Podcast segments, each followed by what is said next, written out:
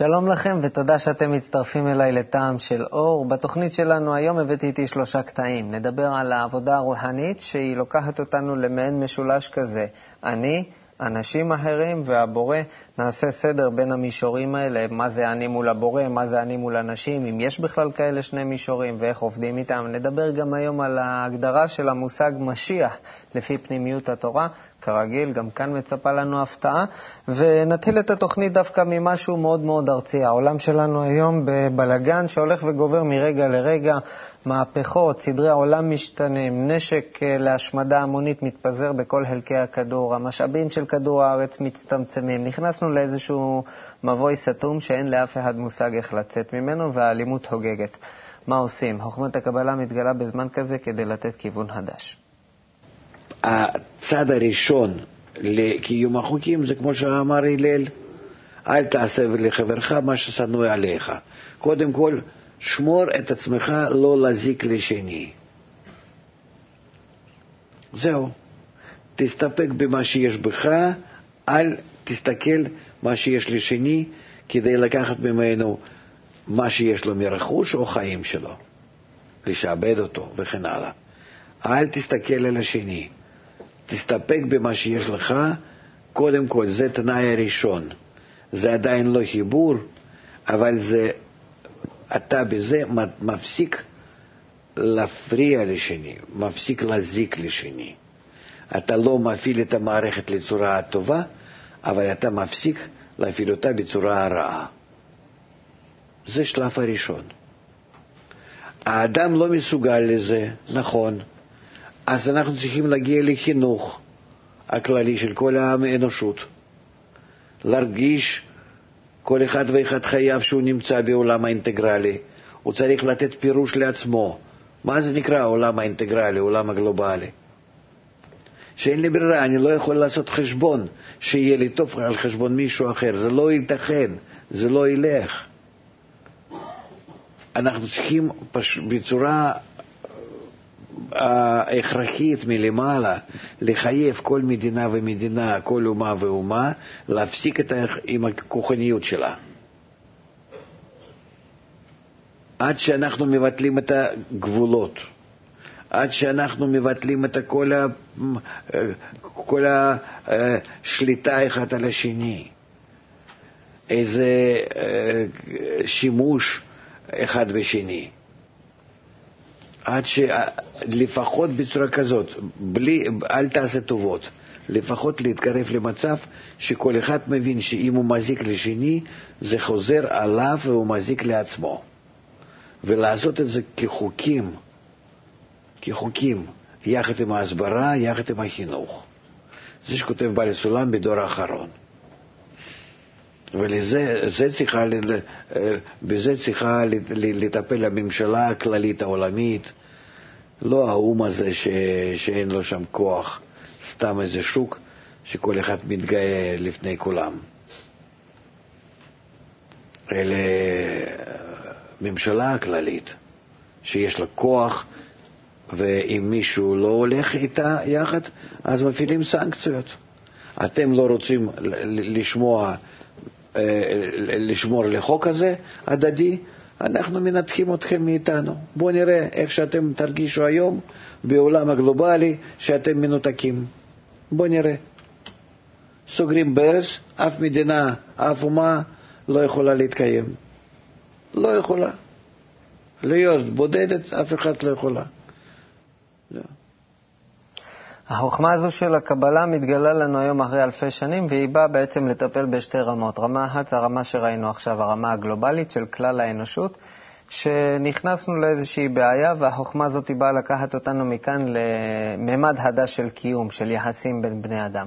רמה שנייה שהחוכמה הזאת מטפלת בה זה הרמה של האנשים שבתוך הלב שלהם עמוק בפנים מתעוררת נקודה שרוצה מהחיים האלה יותר. אנשים כאלה היום מתעוררים במיליונים בכל העולם, והקטע הבא בתוכנית שלנו אה, באמת אה, יראה לנו מישהו אה, מארצות הברית שלומד את חוכמת הקבלה ובא לכאן לביקור בארץ, אצלנו במרכז קבלה לעם בפתח תקווה, בסניף המרכזי, והוא רוצה לברר לגבי התהליך שהאדם עובר בהתפתחות הרוחנית שלו מול אנשים ומול הבורא. בואו נראה. I'm trying to understand this duality that it seems Kabbalah is speaking. On the one hand, we read about what sounds like man's personal relationship with this upper providence that he has to come to. אני מנסה להבין על הניגודיות הזאת בין בורא ונברא. מצד אחד יש איזה קשר שאדם צריך להשיג עם הבורא. And then in the next breath, they start suddenly talking about connection between people and that that's the work. ואחר כך מדברים על זה שבעצם בין בני אדם צריך להיות הקשר, ושם העבודה. And we don't really know what either of those two things mean. ואני לא יודע מה זה, ואני לא יודע מה זה. So how do I balance those two concepts out? איך אני מאזן את שני הגישות האלה? אני לא כל כך uh, מבין אותו. אפשר לעבוד עם הבורא? מי הוא? מה הוא? איפה הוא? איך אתה מתאר את עצמך שאני עובד עמו? אני מצייר את איזושהי דמות על הקיר, כמו שיש גם כאלה שעושים אה, פסלים וציורים ותמונות, ואז אני עובד על התמונה או על הפסל? מה, מי זה הבורא? תסביר לי רק. אתה אומר, אני לא יודע איפה לעבוד עם הקבוצה, עם החברים או עם הבורא. יש לך, יש, יש לך בכלל איזה סיכוי לעבוד עם הבורא?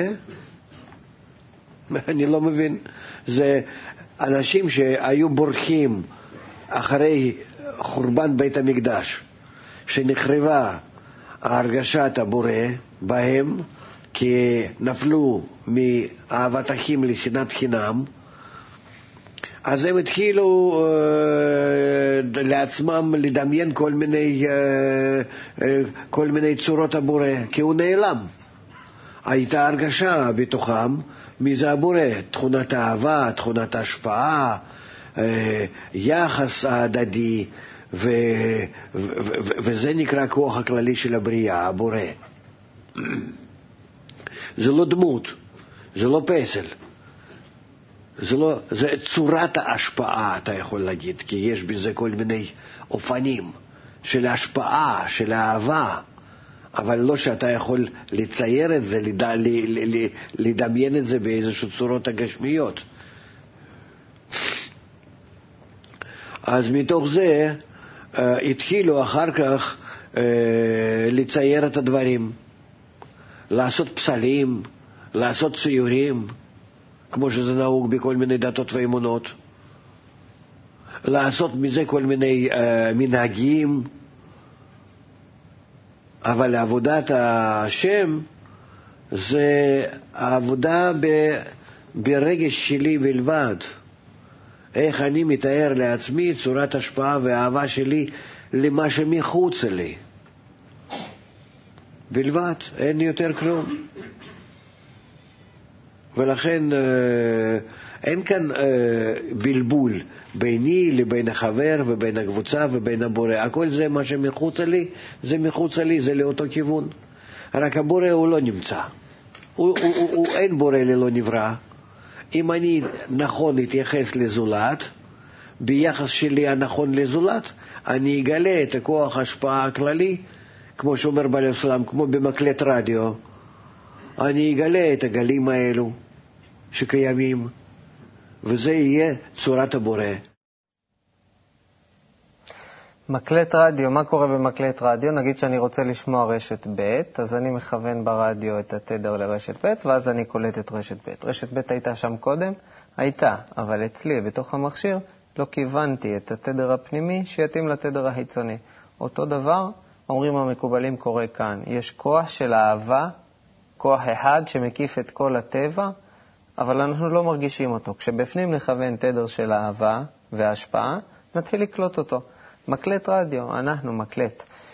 הקטע האחרון בתוכנית שלנו היום, קטע קצרצר, מפתיע אותנו עם הגדרה של חוכמת הקבלה, זה מה זה משיח. חינכו אותנו בכל מיני צורות, בואו נלך קצת פנימה.